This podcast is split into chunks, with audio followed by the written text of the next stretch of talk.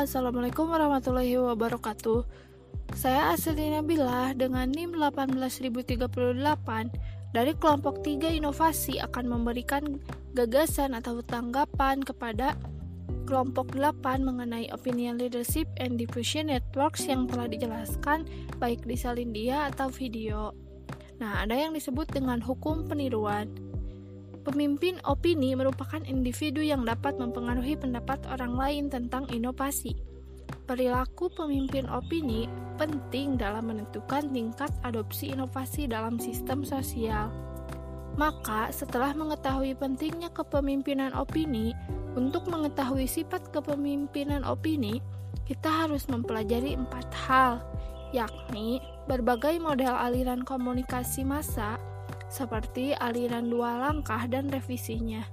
Bagaimana homofil kedua mempengaruhi aliran komunikasi, kemudian langkah-langkah kepemimpinan opini, dan karakteristik pemimpin opini. Nah, ada model aliran komunikasi massa terbagi menjadi dua, yaitu hypodermic needle model yang menegaskan bahwa media massa memiliki pengaruh yang langsung dan sangat kuat terhadap pemirsa massa. Model yang kedua yaitu the two-step flow model atau model dua langkah. Model ini membantu memfokuskan perhatian pada antar muka antara media massa dan pengaruh interpersonal.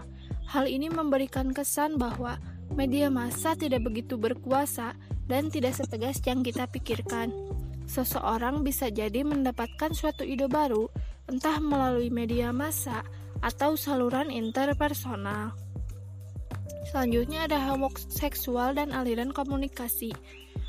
Pemahaman seseorang tentang sifat komunikasi yang mengalir melalui jaringan antara pribadi dapat ditingkatkan oleh konsep konsep homoseks dan heterofis. Dalam hal ini ada dua pembahasan penting yaitu homopili dan heteropili. Kemudian ada homofilia sebagai penghalang difusi. Homopili dan heteropili sebuah prinsip dasar komunikasi antara manusia. Ialah bahwa banyak gagasan yang sering terjadi antara individu yang sama atau yang tidak berkaitan.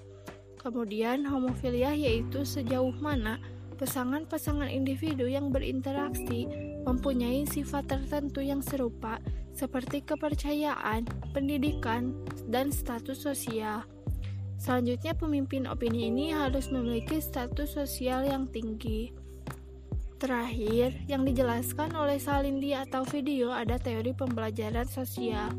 Menurut Profesor Albert Bandura, teori pembelajaran sosial adalah seseorang belajar dari orang lain melalui pemodelan dari pengamatan yaitu mengamati apa yang dilakukan orang orang lain, lalu kita melakukan hal yang sama. Hal tersebut dapat dikatakan sebagai tiruan sederhana atau peniruan buta.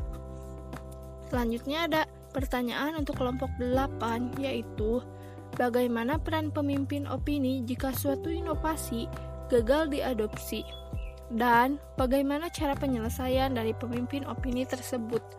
Mungkin cukup sekian. Wassalamualaikum warahmatullahi wabarakatuh.